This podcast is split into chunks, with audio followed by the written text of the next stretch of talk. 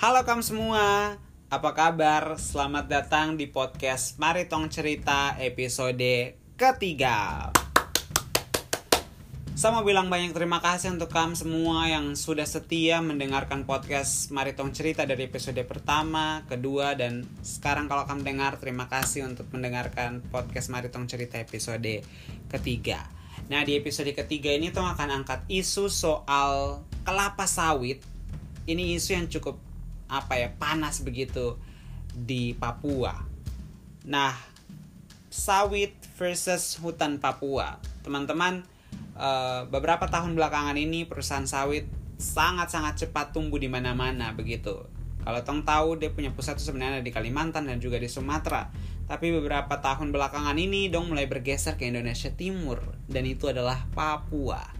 Karena kalau Tong bicara soal Papua, Papua tuh masih punya lahan yang sangat luas dan itu sangat-sangat menggiurkan untuk para investor melakukan investasi begitu di Papua karena bisa mendatangkan keuntungan yang sangat-sangat besar untuk dorang.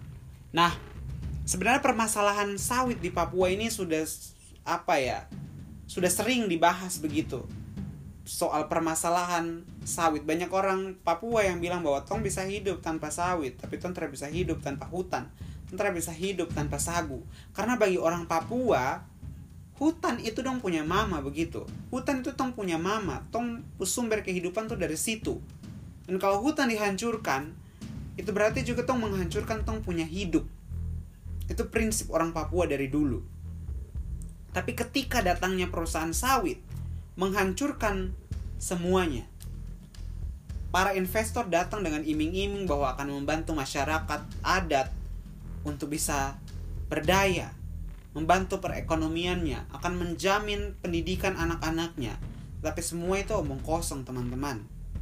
Nah, Tong akan bahas tentang berbagai macam permasalahan sawit di Papua ini dalam beberapa episode begitu dalam podcast Maritong Cerita.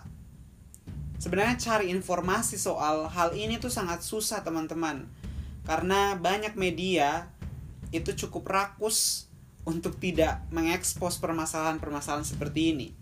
Saya coba mengakses berbagai macam artikel, berbagai macam situs tapi cukup susah begitu dan saya bersyukur karena bisa dapat satu artikel satu uh, ya artikel yang bisa bantu saya untuk jadi materi dalam podcast kali ini dan akan membuka beberapa fakta-fakta yang teman-teman perlu tahu begitu sebagai orang-orang yang hidup di Papua ataupun sebagai orang-orang yang peduli tentang Papua. Di episode pertama uh, di pembahasan tentang sawit ini tuh akan mulai dari Kabupaten Sorong.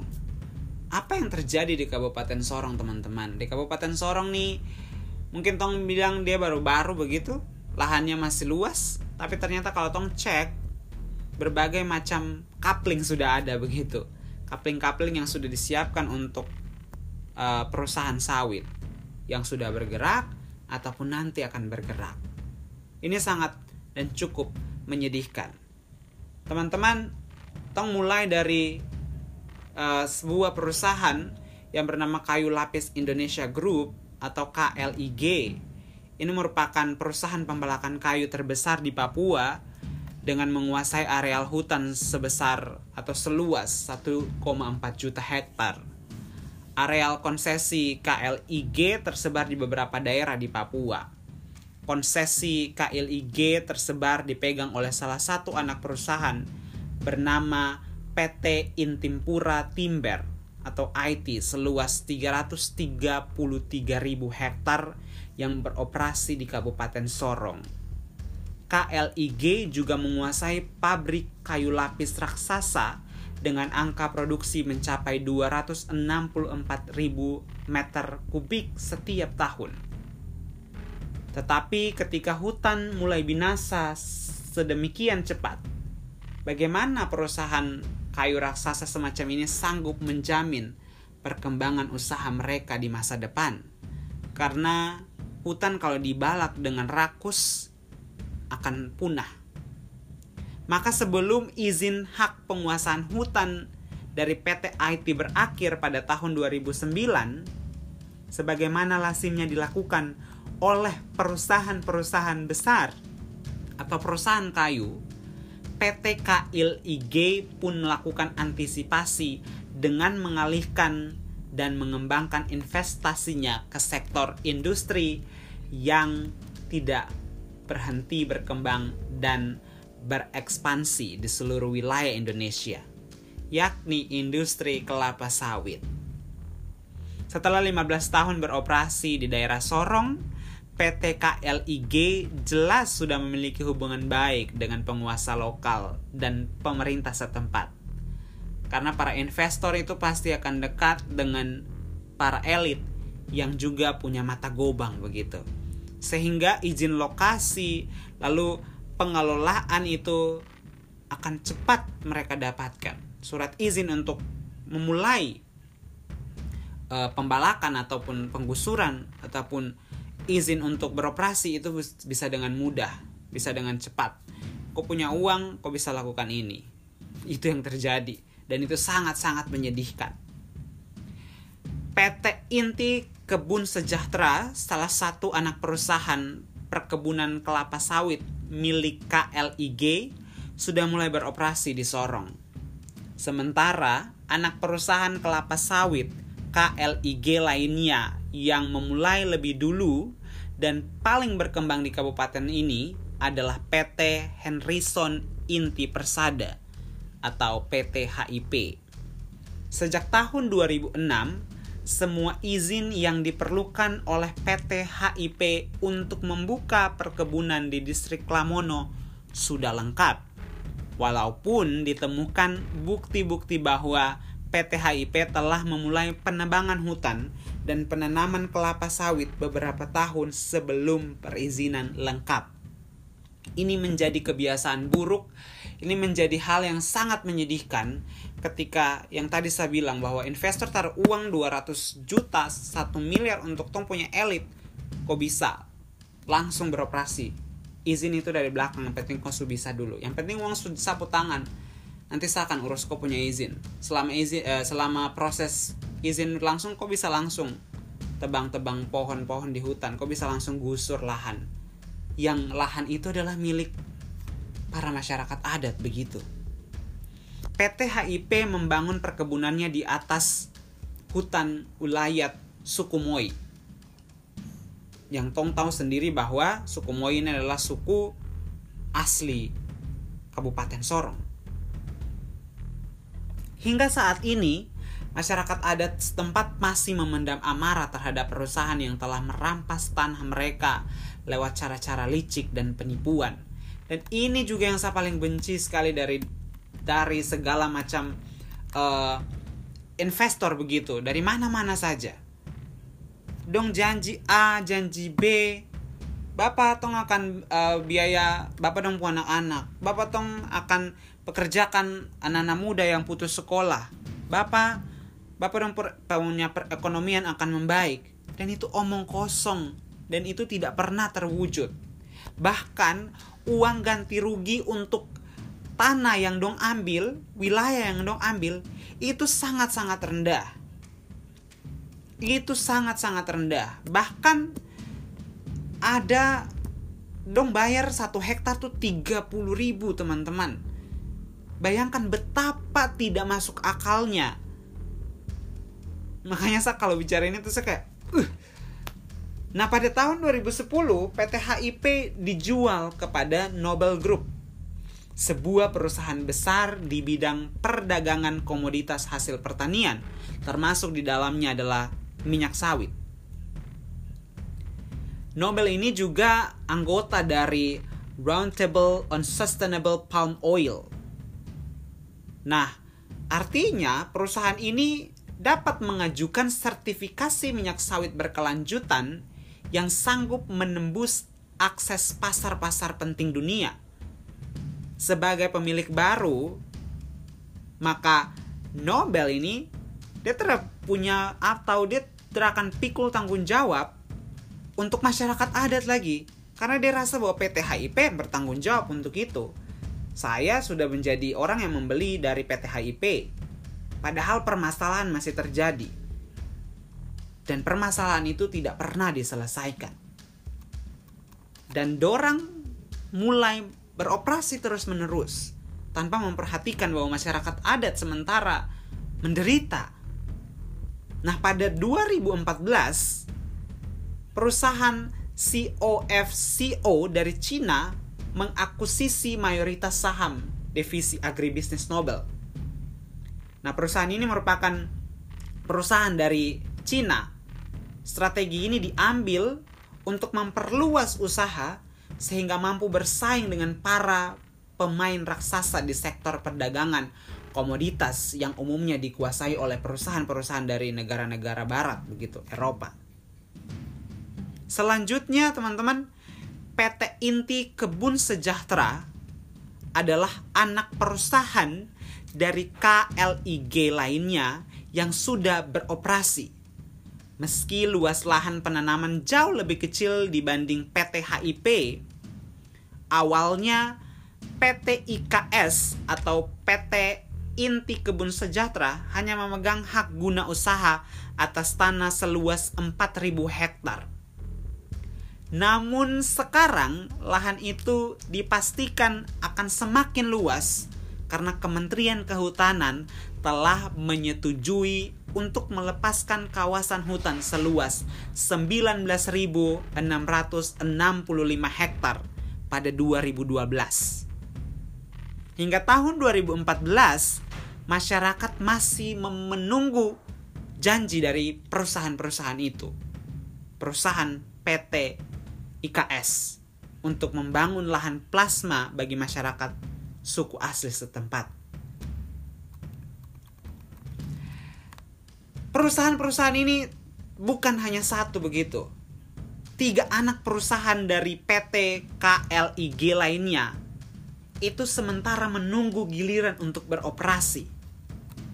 Dan Kementerian Kehutanan telah melepas 14.377 hektar kawasan hutan untuk PT Inti Kebun Sari pada tahun 2014. Dan itu dari izin lokasi seluas 34.000 hektar yang dikehendaki. PT Inti Kebun Sawit juga telah memperoleh persetujuan prinsip untuk pelepasan kawasan hutan seluas 13.351 hektar dari Kementerian Kehutanan.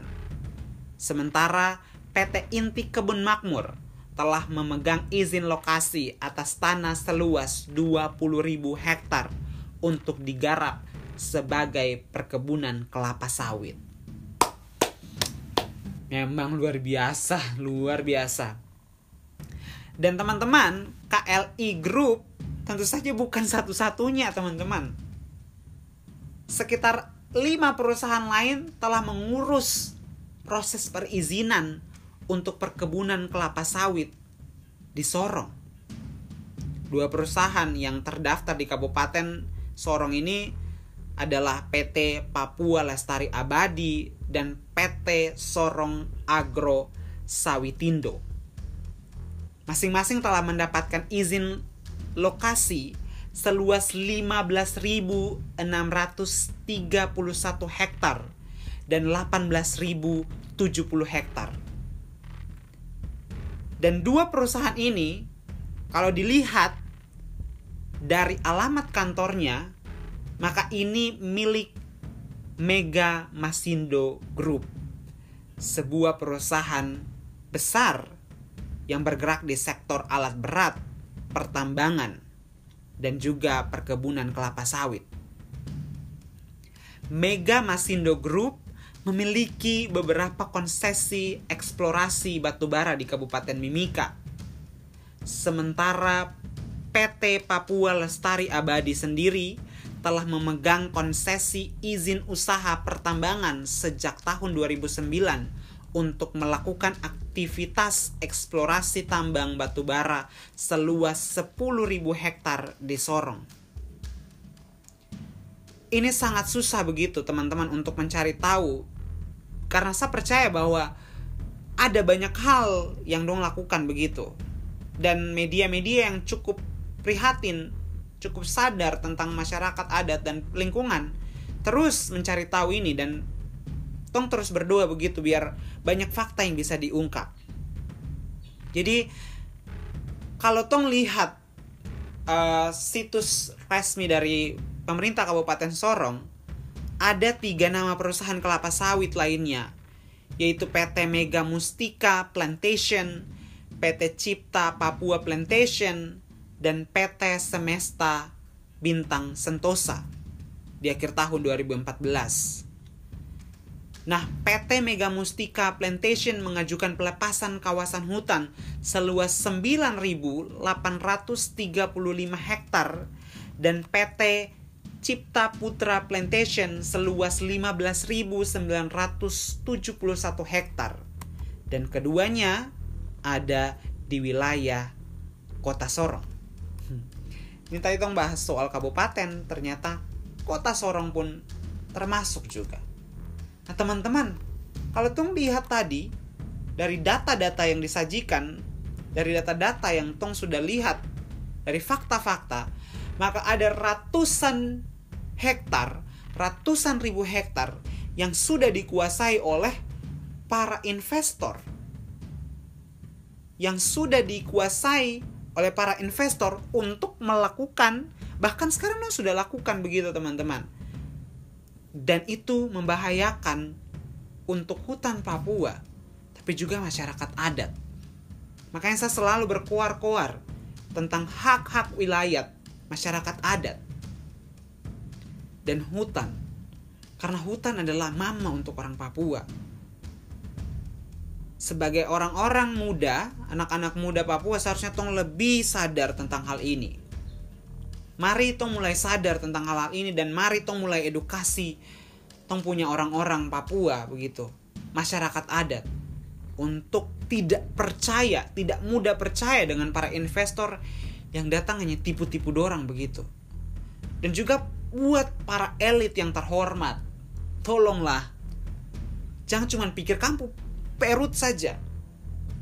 Pikir orang-orang orang-orang kecil begitu ada banyak hal lain yang bisa lakukan tanpa harus memberi izin untuk perusahaan sawit. Tapi saya bersyukur begitu tahun lalu pemerintah Kabupaten Sorong dengan tegas menolak perusahaan sawit masuk. Walaupun sudah ada beberapa perusahaan yang sudah beroperasi. Tapi itu langkah yang sangat tegas dan kita perlu mengapresiasi itu. Terima kasih banyak Bapak Bupati, Wakil Bupati, bahkan pemerintah Kabupaten Sorong dan juga masyarakat adat yang sadar bahwa kalau dong kasih dong punya tanah, maka tidak ada yang dong dapat. Yang dong dapat hanya air mata. Mari tong mulai sadar tentang hal ini dan mari tong mulai jaga tong punya Papua. Saya berharap anak-anak muda Papua, kalau kamu dengar podcast ini, mari rapatkan barisan untuk bisa menjadi garda orang-orang yang ada di garda terdepan mengedukasi tong punya orang-orang tua mengedukasi orang tong punya uh, adat Papua begitu orang-orang adat untuk jaga dan pelihara hutan saya percaya bahwa Papua akan menjadi luar biasa tapi dengan tong punya cara sendiri. Tidak dengan menghancurkan hutan. Karena hutan adalah mama untuk tong orang Papua. Terima kasih.